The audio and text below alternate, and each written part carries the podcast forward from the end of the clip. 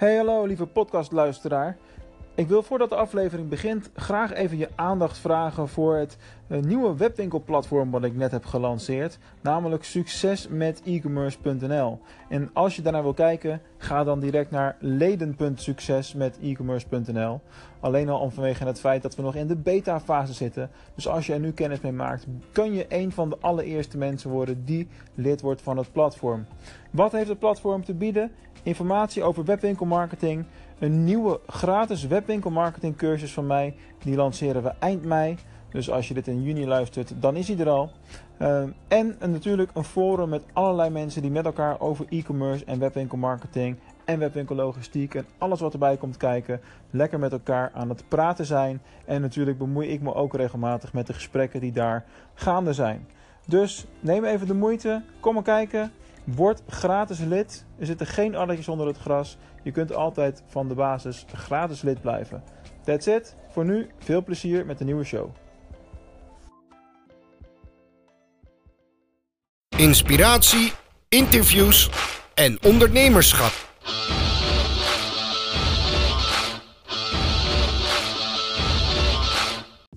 Na ongeveer drie jaar de podcast te hebben opgenomen en gepubliceerd, vooral in uh, Podbean, heb ik na het enig wikken en wegen de stap genomen en ben ik overgestapt van uh, platform.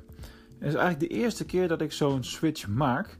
En deze specifieke podcastaflevering is ook de eerste aflevering die daadwerkelijk via dat nieuwe platform is opgenomen. Nou, wat is het nieuwe platform? Het nieuwe platform is Anchor. En Anchor is een app waar je wel iets meer kan dan eventjes een podcastje publiceren. Maar daarover straks meer. We zijn inmiddels pak een beet een week onderweg met uh, Anchor en het testen met dat platform en het opnemen daarvan. Dus mooi moment om mijn eerste bevindingen alvast met jullie te delen. Allereerst, het is net zoals een Apple product. Het is super intuïtief, waardoor het heel erg makkelijk is om uh, ermee te werken. Maar ik maak er niet zo heel veel gebruik van als wat ik van tevoren had gedacht. Nou, waar heeft dat mee te maken? De meeste van mijn podcasts die beginnen met een video. En die video zet ik dan om in audioformaat en dat wordt dan de podcast uiteindelijk. Kortom, dat is dan natuurlijk niet geschikt voor wat ik in Anchor opneem. Maar Anchor heeft wel een aantal hele interessante uh, functies die uh, andere softwareplatformen uh, voor podcasting niet hebben. Dat zijn bijvoorbeeld de, het feit dat je met een co-host kan werken en gelijktijdig kan, kan opnemen op het platform zelf, dus in de app het feit dat je onderwerpen kan gaan zoeken en daarover kan gaan uh, publiceren. Uh, dat is ook heel erg tof. Aan de andere kant zien we ook uh, dat je daar de mist mee in kan gaan. want in mijn geval, mijn podcast is Nederlands. Dat is in dit geval een nadeel, want bijna alle gebruikers van Anchor tot nu toe althans, die zijn Amerikaans of in ieder geval Engelstalig. Dus als ik zoek over uh, om, om met mensen over bepaalde onderwerpen te praten, is dat nogal wat lastig. Ik zou nu, uh, om, om bijvoorbeeld berichten in de podcast te krijgen, echt mensen moeten uitnodigen om ook de, app, uh, de podcast-app Anchor te gaan gebruiken. Ik kom lekker uit mijn woorden hier. Te downloaden en zo kan ik ze een bericht sturen, net zoals dat je dat in WhatsApp kunt doen. Dus een voice bericht. En dat voice bericht zet je dan weer als audiosegment in, in je podcast. Dat kan hele leuke dynamische content opleveren. En ik verwacht dat dat op wat langere termijn ook zeker uh, het geval zal gaan, uh, gaan zijn.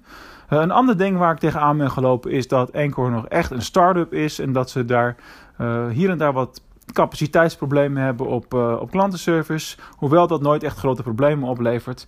maar bepaalde functionaliteiten zijn nog niet beschikbaar en die zou ik wel graag zien. Uh, zo zou ik bijvoorbeeld uh, hartstikke bereid zijn om een premium fee te betalen, een klein stukje service fee, om ervoor te zorgen dat je niet uh, na afloop van de podcast nog hun promotie audio krijgt. Dat is iets wat je ongetwijfeld na deze aflevering ook nog even zult horen, hè, dat het, de podcast is gemaakt met Anchor. en je ziet ook de naam Anchor in de iTunes bibliotheek achter de auteur staan. Nou, dat zijn kleine dingetjes, maar dat maakt het allemaal net even wat minder uh, professioneel in mijn optiek.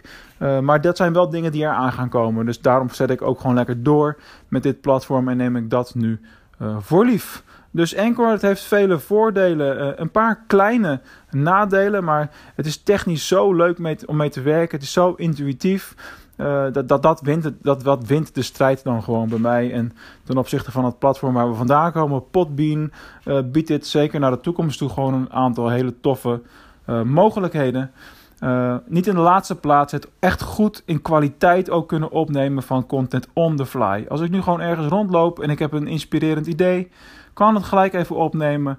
de filters die in de app zitten, die maken de audio kwaliteit zeer, zeer, zeer behoorlijk. Ja, en tot slot van deze aflevering over het podcasten met Anchor. Bij het terugluisteren van de verschillende segmenten van deze specifieke aflevering viel mij ook op dat je enorme volumeverschillen kan krijgen. Dus mocht dat nou in de praktijk na het publiceren ook niet genormaliseerd zijn, sorry voor de volumeverschillen in deze aflevering. Daar kan ik helaas niet zo heel veel meer aan doen. Maar waar is dat nou ontstaan? Dat blijkt dus te ontstaan op het moment dat je een achtergrondgeluid uh, in de app toevoegt aan een stukje audio wat je opneemt. En als je dat dan bij het volgende stukje audio uh, niet doet, dan wordt je stem enorm versterkt. En bij een achtergrondgeluid wordt dat wat vlakker allemaal en dan wat minder hard. Dat is hoe ik het ervaren heb. Nou, en het mooie aan zo'n app als dit natuurlijk is dat er heel veel te ontdekken valt. En dat is meer het nerdy in mij, wat ik gewoon heel erg leuk vind om te doen. en er is veel te doen, er is veel mogelijk. En het, al met al is het gewoon makkelijker en biedt het meer als mijn vorige platform Podbean. Eh, dus ik zal absoluut met deze app doorgaan en een hele hoop leuke nieuwe dingen blijven publiceren. Tot de volgende keer.